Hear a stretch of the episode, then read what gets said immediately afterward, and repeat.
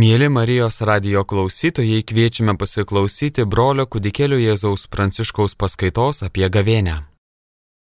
Iš karto jau iš meilės kubos nersime į gavėnio slėpinį. Kas ta gavėnė pirmiausiai?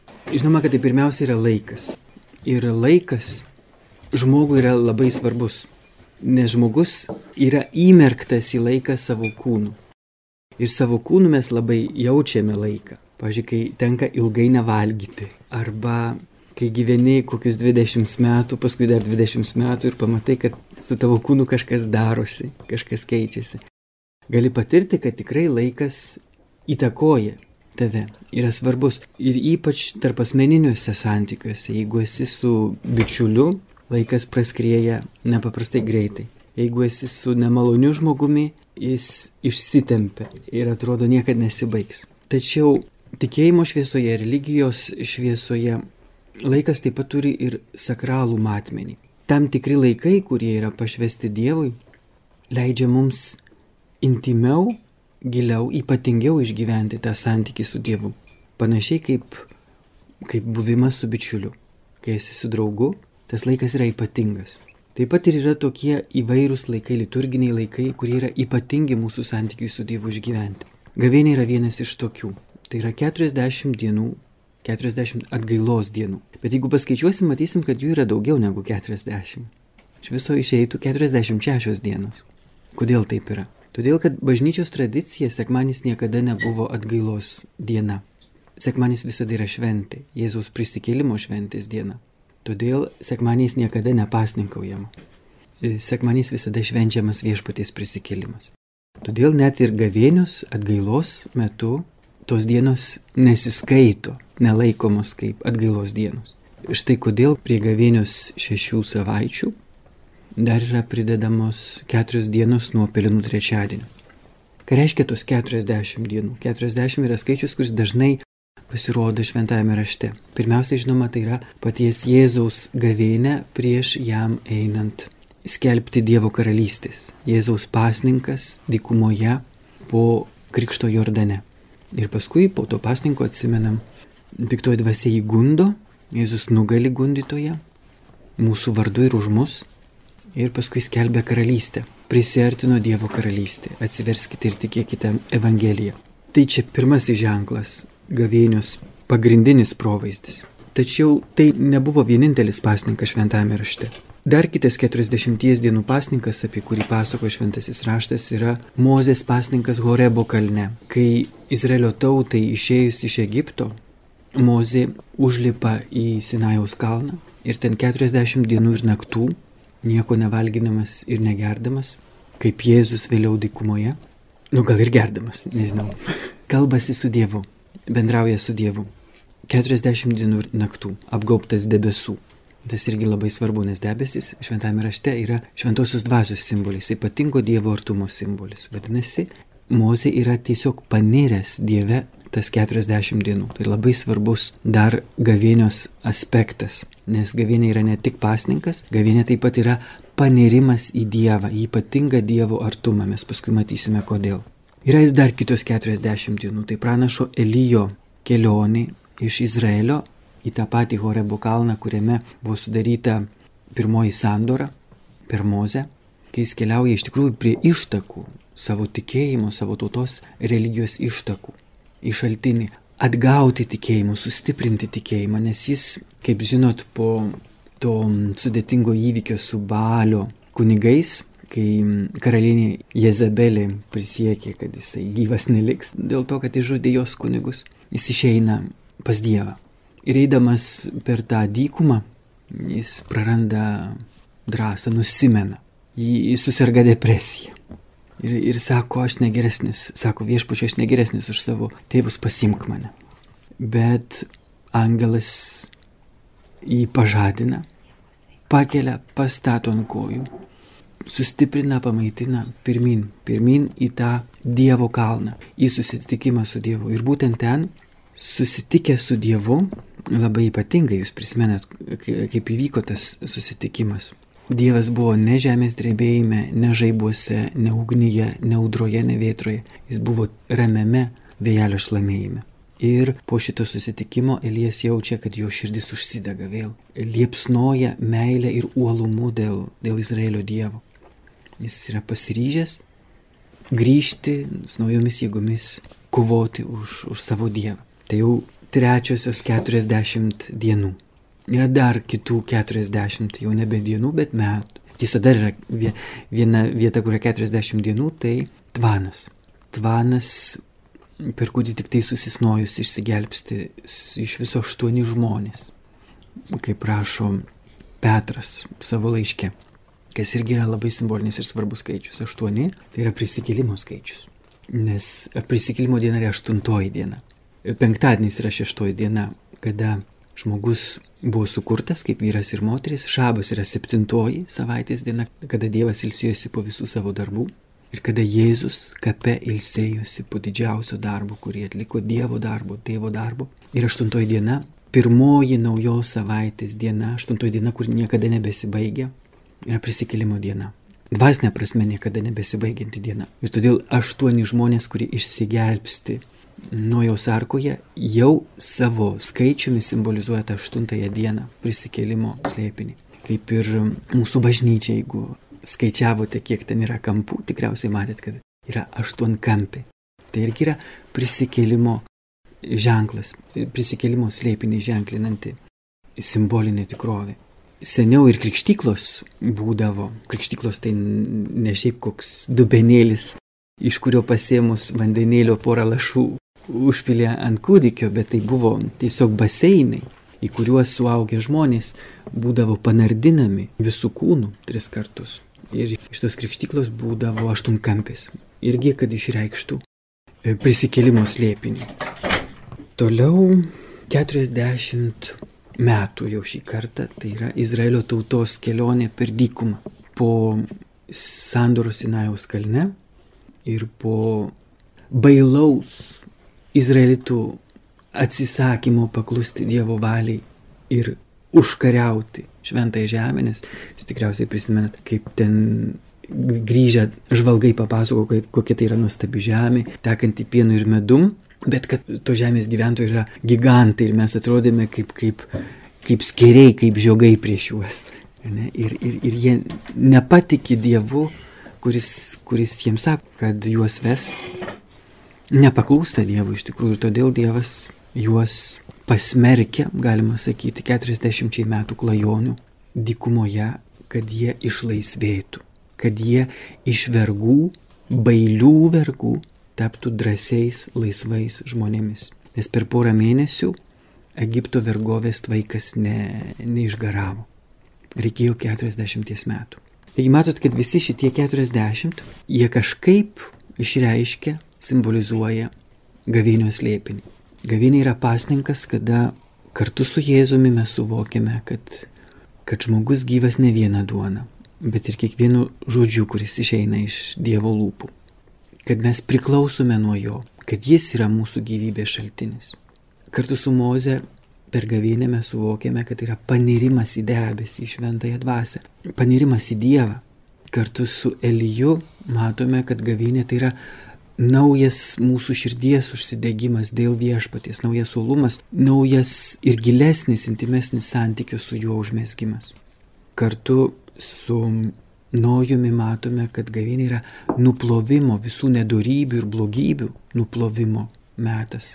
Ir, ir jau prisikėlimo slėpinio pažadas. Tie aštuoni asmenys Nojaus arkoje. Ir 40 Izraelio tautos metų dikumoje reiškia, simbolizuoja, kad gavinė yra išsilaisvinimo laikas, kada mes iš vergų tampame laisvais sunumis, tampame tikrais vaikais, paveldėtojais, įpėdiniais, tėvo dovanų.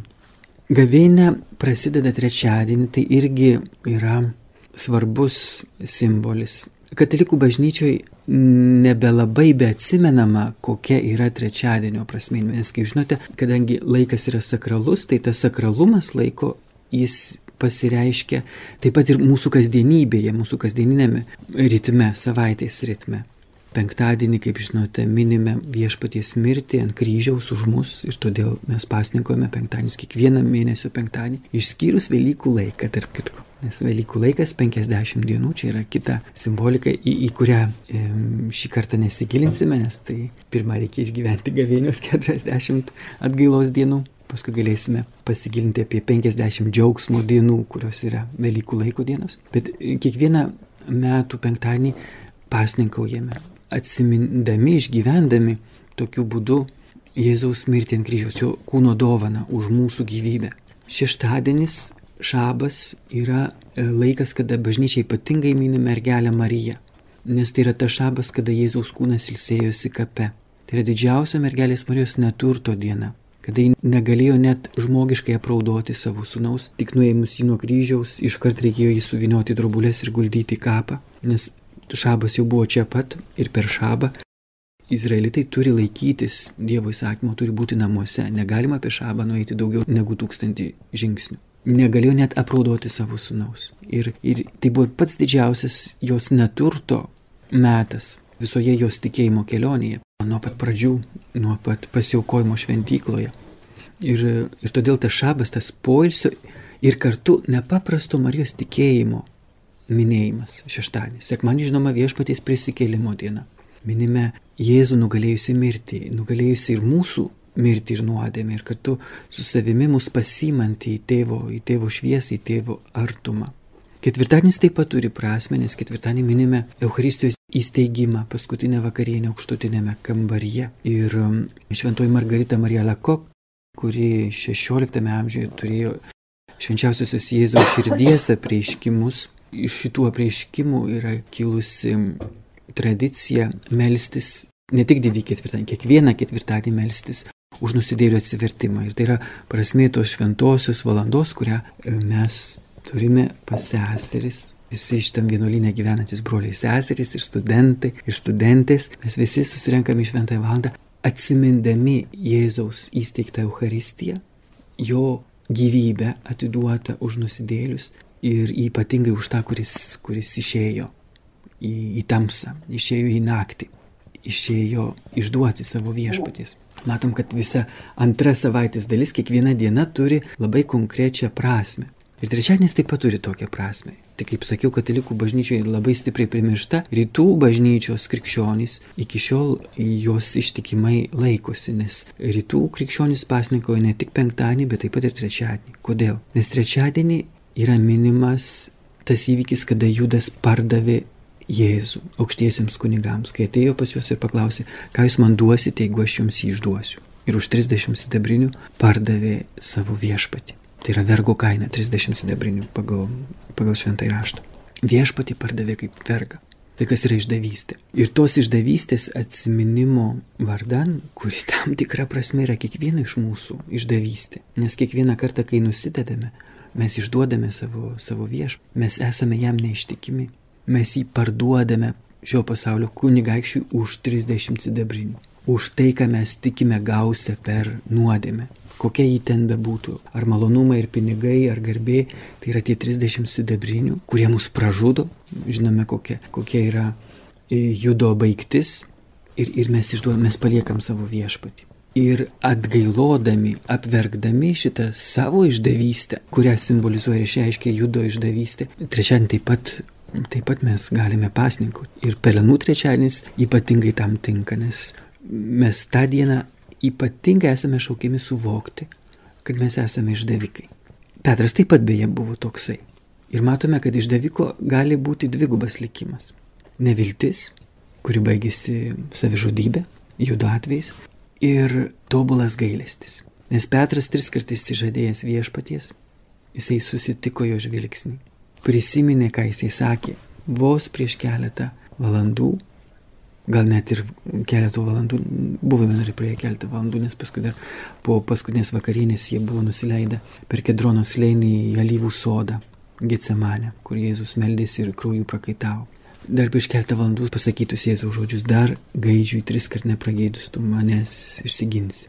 Ir jis rašo evangelistas, išėjęs laukan graudžiai pravirko, karčiai pravirko. Tai yra atgailos ašaros, kurios nuplauna ir kurios įleidžia Jėzaus gailestingumą į mūsų nuodėmės šlikštybės bedugnę.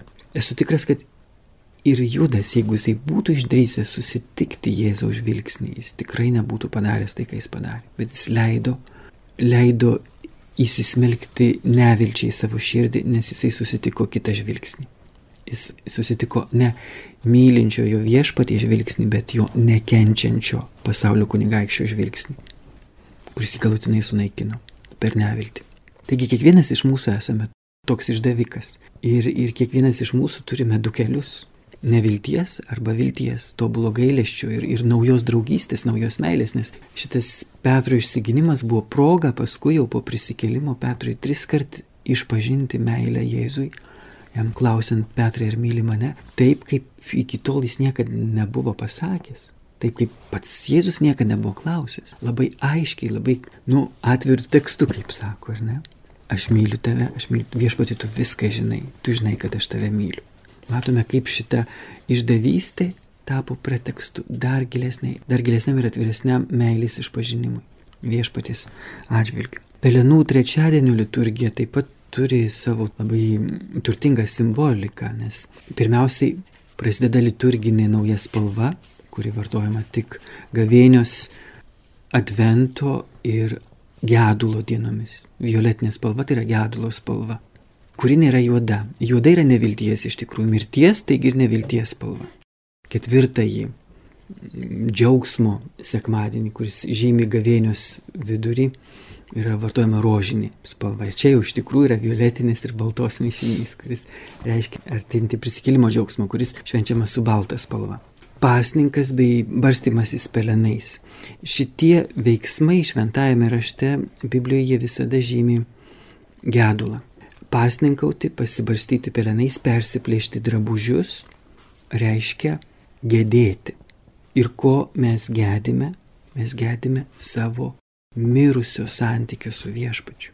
Ir tam tikrą prasme gedime savęs, nes nuodėmė mus užmušė, kaip Jėzaus bičiulius, kaip jo mokinius. Mus pardavė atgal į, į dvasinio farono vergyją. Ir būtent todėl ir pasninkas, ir bastimasis pelenais žymi mūsų gedulą, mūsų atgailą. Ir labai gražu, kad Pelenų dienos pats pirmasis liturginis skaitinys iš pranašo Joelio knygos prasideda tokiais žodžiais. Dabar sako viešpats iš viso širdies atsiverskite į mane pasninku, verksmu ir raudojimu. Persiplėškite širdis, o ne drabužius. Iš tikrųjų, mums reikia ne tik pasninkauti, ne tik barstytis pelenais galvas, mums reikia dar persiplėšti širdis, o ne drabužius. Persiplėškite širdis, o ne drabužius. Mums tai yra neįmanoma. Bet įdomiausia, kad gavėnios pabaigoje šitą Joelio pranašystę išpildo Jėzus ant kryžiaus. Jo tunika nausta Marijos tikriausiai, atsimenat, nebuvo suplėšyta. Kareiviai dėl jos metė burtą, kad nereikėtų jos plėšyti. Šitas drabužis liko nesuplėšytas. Bet Jėzaus širdis buvo suplėšyta, ji buvo perverta tą Romos kareivio jėtimi. Jėzus išpildo šitą, šitą pranašystę. Jis persiplėšia širdį, o ne drabužis dėl mūsų. Tokiu būdu parodydamas, kad jam dar skaudžiau dėl nuodėmės sunaikinto mūsų bičiulystės ir meilės santykių su juo. Tačiau nepaisant visų, visų šitų atgailos, pasninko, apsimarinimo aspektų. Svarbiausia suvokti, kad gavėnios pagrindinis tikslas, dėl ko yra gavėnė, tai yra Velykos. Gavėnė yra kelias į Velykas, tai yra kelias į pažado žemę, kelias į naująją sandorą, kelias į susitikimą su, su prisikėlusiu jūsų viešpačiu.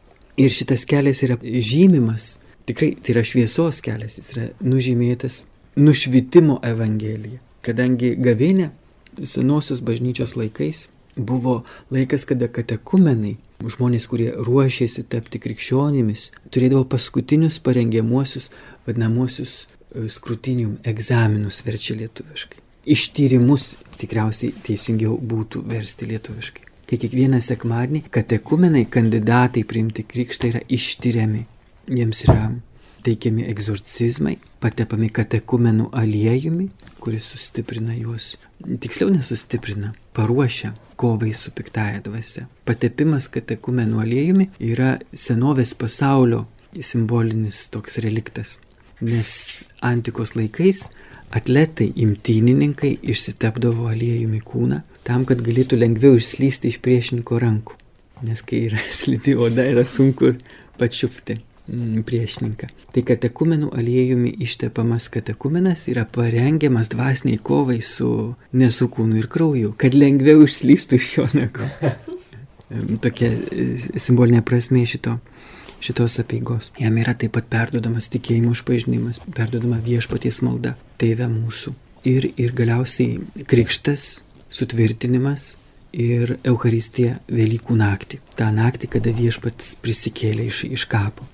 Kartu su, su juo keliasi ir katekumenai, keliasi ir visi krikščionys, nes tą naktį mes visi atnaujiname krikšto pažadus. Mes savotiškai iš naujo išgyvename, aktualizuojame savo krikštą kurių galbūt daugelis iš mūsų, gal ir visi čia esantis neprisimename, nes buvome pakrikštyti būdami kūdikiai. Tačiau mes iš tikrųjų kiekvienais metais turime galimybę iš naujo išgyventi, panašiai kaip per Euharistiją išgyvename kas kart Jėzaus kančią ir mirtį už mus ant kryžiaus, taip ir per Velyknaktį, per Krikšto pažadų atnaujinimą mes išgyvename savo Krikštą, mūsų atgimimą, mūsų žengimą į amžinai gyvenimą, kurį atveria krikštas. Vadinasi, gavėnė yra ėjimas į šitą prisikėlimo ir konkrečiai mano prisikėlimo kartu su viešpačiu per krikštą šventę įvykį.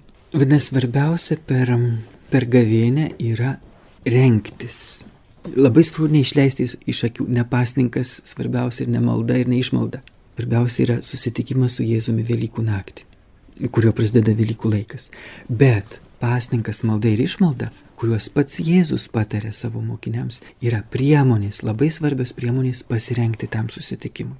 Taigi pirmiausiai pasninkas. Pasninkas, kam jis yra skirtas? Jis pirmiausiai mums padeda suprasti, kokie mes iš tikrųjų trapus ir silpni, jeigu nebeturime mūsų gyvybės palaikymo, maisto.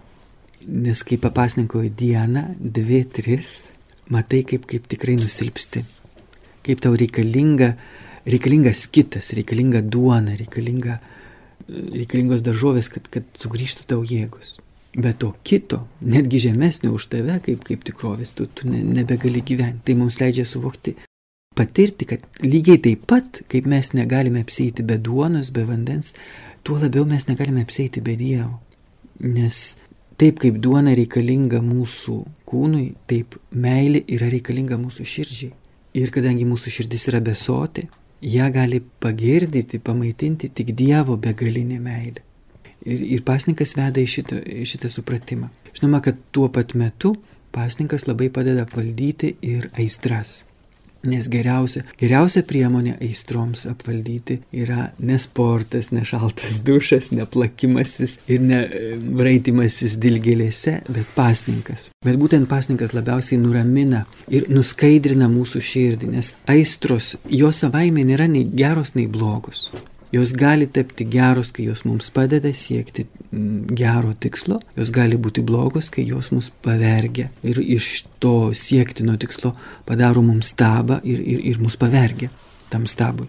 Todėl pasninkas mums padeda nuskaidrinti mūsų sielos, mūsų širdies žvilgsnį į kitą, į save, į Dievą.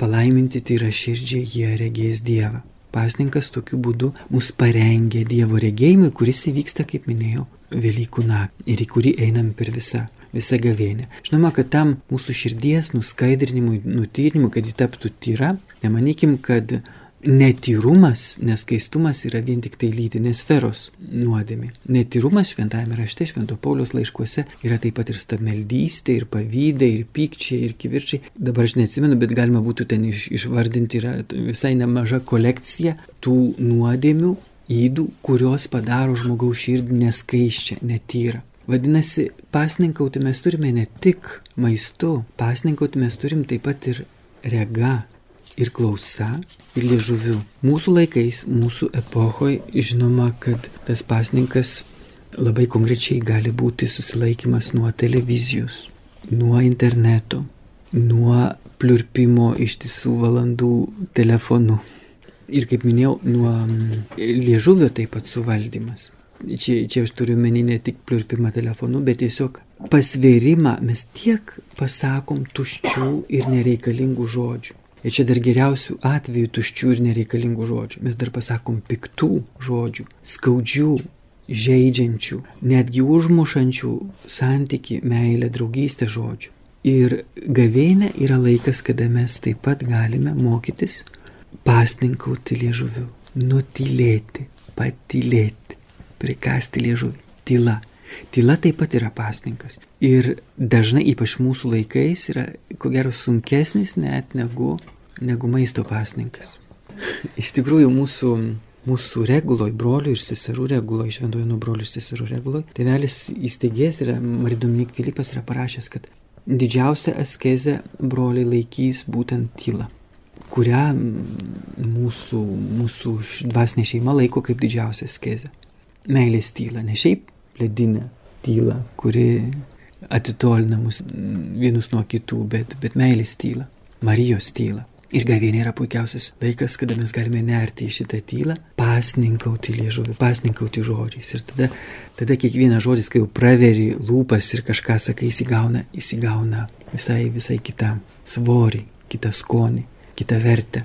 Pažiūrėkite, jeigu kokioj nors grupeliai diskutuojame ir dažnai būna kokie asmenys, kuris visą laiką kalba ir viską žino ir apie viską turi nuomonę. Ir paskui koks nors visiškai nekalbantis išsižiūrė, visi suklūsta ir klauso, nes jo žodis įsigauna visai kitą svorį, visai kitą, kitą prasme. Ir, ir tokiu būdu mes irgi galim iš naujo pakelti savo žodžio vertę tam tikrą prasme, kad įgautų paties Dievo žodžio vertę. Nes jeigu mes tylime, tai ne, ne tam, kad tylėtume, bet kad mylėtume, o kad mylėtume, mums reikia išgirsti Dievo žodį, kuris yra meilės žodis. Tai dėl pasninko. Toliau malda. Žinoma, kad, kaip minėjau, malda yra panirimas į Dievą, taip kaip Mozė buvo paniręs į tą debesį ant Sinajaus kalno. Panirimas į maldą, panirimas į santykių su Dievu. Ir į tą maldą mus veda būtent pasninkas, kuris nuskaidrina mūsų širdį, nutyrina mūsų jūslės, mūsų sielą, kad mes galėtume išvysti Dievą, išgirsti Dievą. Nebereikalo ta tvarka pasninkas malda išmalda. Pasninkas mus atveda į maldą, į gyvą, gyvesnį negu paprastai, karštesnį, gilesnį santykį su Dievu. Matot, kad pasninkas, padėdamas mums suvaldyti aistras, sustiprina mūsų dvasios galės, kuriomis mes būtent ir, ir melžiamės mūsų protą ir mūsų valią. Nuskaidrina taip pat ir mūsų jausmus. Apvalo jūs nuo, nuo tos aistrų pertekliaus, sakykime, taip netvarkingų aistrų pertekliaus. Ir gavienės metu tikrai galėtume pasiryšti, skirti daugiau laiko arba intensyviau, giliau pasimelsti. Ir pagaliau išmalda, kuri yra logiška maldos jau išdava, kad tai, kuo aš esu pertekęs savo širdie, paskui galiu dalinti ir artimui. Žinoma, kad išmalda kaip ir pasninkas pirmąją prasme tai yra dalinimasis medžiaginėmis gerybėmis, taip kaip pasninkas yra susilaikimas nuo medžiaginių gerybių, taip išmalda yra dalinimasis tuo tarp kitko, ką aš sutaupiau nuo savęs. Senesnės krikščionių tradicijos šalyse, aš čia žinoma pirmiausia turiu Prancūziją omeny, kurie teko gyventi dešimt metų, e, parapijos yra išlikusi tokia savaime suprantamas dalykas, kad pasninkas tai yra tai, ko mes nesuvalgėme šeimos tėvas ar motina suskaičiuoja šeimos biudžete, kiek mes išleidome mažiau maistui per gavėnę dėl pasninko. Tie e, sutaupyti pinigai savaime suprantama yra skiriami vargšams. Gavėnios pabaigoje tie pinigai surinkti atsiduodami vargšams. Ar kažkokia per labdaros akciją, ar, ar, ar panašiai, kas vyksta parapijose. Nes tai, ką mes atimam nuo savęs, mes atiduodam kitam. Mes mirštam savo, kad kitas gyventų. Ir čia būtent yra mutatis mutandis. Gal simboliškai, bet ir labai realiai, labai mažu, bet labai realiu masteliu išgyvenamas Jėzaus didžiausias įsisakymas. Nėra didesnės meilės kaip gyvybę už draugus atiduoti. Tai yra gyvybės atidavimas už draugus. Numirti savo, kad kitas gyventų. Ir to gyvybė pirmiausia yra meilė. Žinoma, kad ta proga, kai, kai tu atiduodi save, tu, tu gali labiau labiau išgyventi meilę. Ir čia vėlgi mūsų laikmečių mes išmaldą galime suvokti giliau, prasmingiau, plačiau negu vien tik tai materialinių gerybių dalinimasis. Mes galime duoti išmaldą savo laiko, savo dėmesio, savo šilumos. Ir pirmiausia, pačių artimiausių atžvilgių. Todėl, kad yra labai tokia didelė pagunda eiti, savanoriauti, karitauti, tarnauti kokiems vargšams ir tokiu būdu truputėlį pasijusti gelbėtojų kartu su Jėzumi, kuris yra gelbėtojas. Ir tai nėra blogai, tai yra labai gražu. Bet kai grįžti namo, savo artimuosiuose pamatai savo tikrai veidą, nes jie yra ta kaip veidrodis. Tu matai, kad tu esi egoistas, kad tu esi šaltas, užsidaręs, piktas, kitą kartą net žiaurus. Ir va būtent šitų žmonių, kuriuos man, man Dievas duoda mylėti kiekvieną dieną, dažniausiai nuo ryto iki vakaro, būtent šitų žmonių atžvilgių labiausiai reikalinga toji išmalda - dėmesio, laiko. Ir galbūt daug, daugam to išmalda bus paprasčiausiai nepasakyti kokio bjauraus žodžio. Nemurmėti, neburbėti, nepriekaištauti, neišmetinėti, nekaltinti. Tai jau pirmas žingsnis į išmaldą. Vėliau galbūt kokią antrą, trečią gavėnio savaitę gal pavyks pasakyti net ir, ir, ir geresnį žodį. Paskui jau visai baigiantis gavėniai gal net pavyks apkabinti tą žmogų, kurio gal aš nebuvau apkabinęs metų metais. Tai va, pasninkas malda ir išmalda. Tai yra priemonės, kurias pats Jėzus mums duoda, kad mes pasirenktume susitikimui su juo ir renktumės per susitikimą su artimu. Nes artimas yra Dievo paveikslas ir panašumas. Jis yra prisikėlusio Kristaus ir jo meilės, šviesos, šviežumo, sakyčiau, pranašas, skelbėjas, pirmoji prisikėlimo krekždutė. Tik jeigu aš jos net pažįstu, jeigu aš matau varną kokią nors, žinoma, kad tada, tada mano gyvenė nebus, nebus gilus pasi, pasirengimas susitikimui su, nu, iš karto sakykime, ereliu, didžiuoju ereliu, pačiu, pačiu viešpačiu Jėzumi. Gal dar galėčiau bent trumpai pasakyti apie, kaip minėjau, tą šviesą, kuri yra liejama katekumenams, ypač per gavėnios sekmadienio evangeliją. Jūs žinot, kad sekmadienio evangelijos yra išdalintos į trijų metų ciklą. A, B ir C ciklus. Tačiau, kai bendruomenėje esama katekumenų, kurie rengiasi krikštui per Velykas, visada įmami skaitiniai iš A metų, nes jie yra specialiai pritaikyti būtent pasirengimui krikštui. Į tos evangelijos yra taip sudėtas tokiu dieviškojų kreščendo, kuris mus veda į vis intensyvesnę šviesą, į susitikimą su šviesa gimusiai šviesos, su viešpačiu Jėzumi. Kreščendo yra muzikinis terminas, gal čia yra muzikų, kurie geriau, geriau už mane galės pasakyti, kai tu groji vis garsiau. Mm, tai yra kreščendo.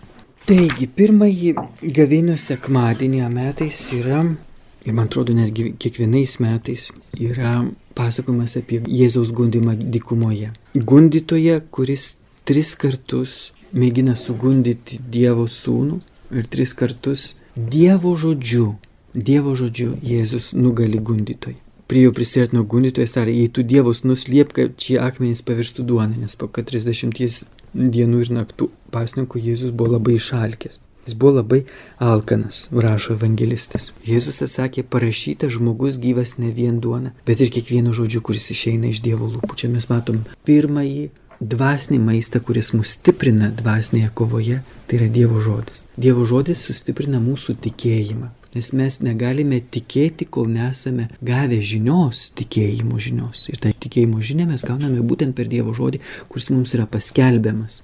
Paskelbiamas evangelisto, evangelizuotojų, misionieriaus, pamokslininko.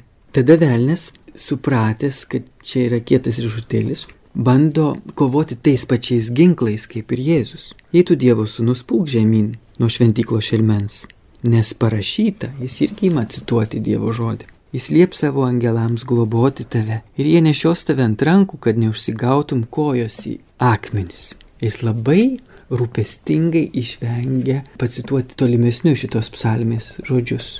Čia yra 90 psalmė, kur toliau yra sakoma ir tu mindžiosi gyvatę ir skorpioną, vaikščiosi ant bazilisko ir, ir liutuko. Gyvatės skorpionas yra šitono įvaizdas. Tai šitais nutyli, nes jam labai nepatogu šitas Dievo žodis. Jėzus vėl atremia Dievo žodžiu taipogi parašyta, negundik viešpaties savo Dievo.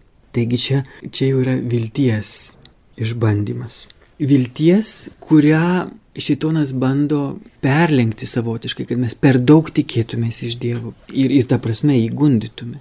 Ir vilties maistas yra paklusnumas. Paklusnumas tėvo valiai. Kai mes paklūstame tėvo valiai, auga ir stiprėja mūsų viltis. Nes mes dėl to, kad jam paklūstame, mes tikrai vilėmės ir pasitikime, kad mes gyvensime su juo.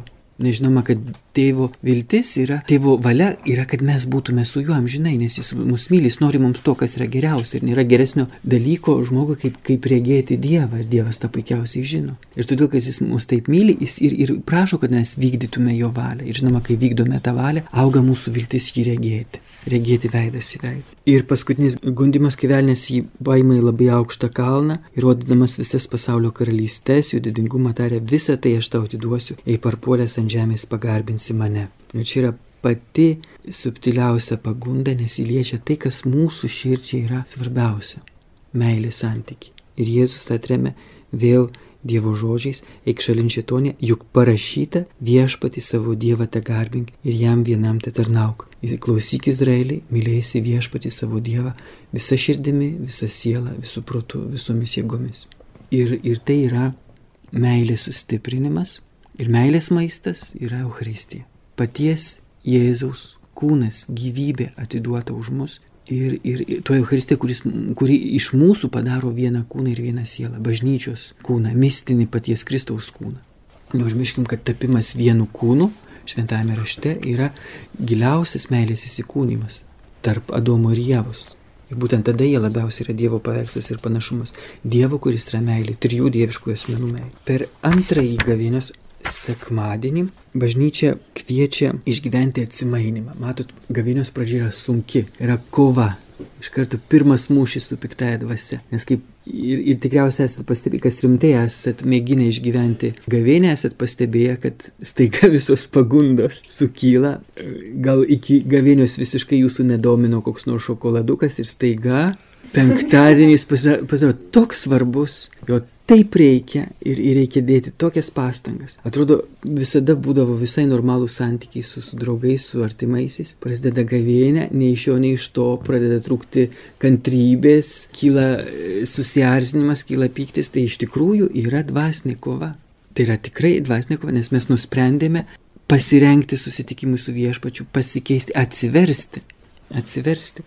Ir pradžia yra, yra sun, sunki kova. Antrasis sekmadienis jis jau mums, jau, jau antrąjį sekmadienį mums duoda iš, iš anksto savotiškai paragauti prisikėlimo, nes bažnyčia tą dieną mus kviečia kontempliuoti atsimainimo slėpinį. Evangelija apie tai, kaip Jėzus pasėmė su savimi artimiausius mokinius Petrą, Jokūbą ir jo brolį Joną ir užsivedė juos į taboro kalną, ten jų akivaizdoje atsimainė, juos apgaubė debesis, taip kaip Mozė ant Sinajaus kalno Iš debesies pasigirdo tėvo balsas, šitas yra mano mylimasis sunus, klausykite jo. Tėvo balsas, sunus, debesis, kuris yra šventosios dvasios simbolis, reiškia trejybė, švenčiausios trejybės teofanija, teofanija reiškia Dievo apsireiškimas. Ir tas debesis apima taip pat ir mokinius. Mes esame paimami į šitą vidinį trejybės asmenų santyki. Ir, ir jiems ten taip gera, kad jie niekur nebenori eiti. Ir, ir matom, kad tos dvasinės kovos mus sustiprina, išgrina ir veda į gilesnį intimumą su Dievu. Dar net neatėjus Velykoms. Tai toks iš ankstinis Velykų džiaugsmo e, ragavimas, intimumo su Dievu ragavimas. Mėly Marijos radio klausytojai, ką tik girdėjote broli kudikėlių Jėzaus Pranciškų, kuris kalbėjo apie gavėnę. Likite su Marijos radiju.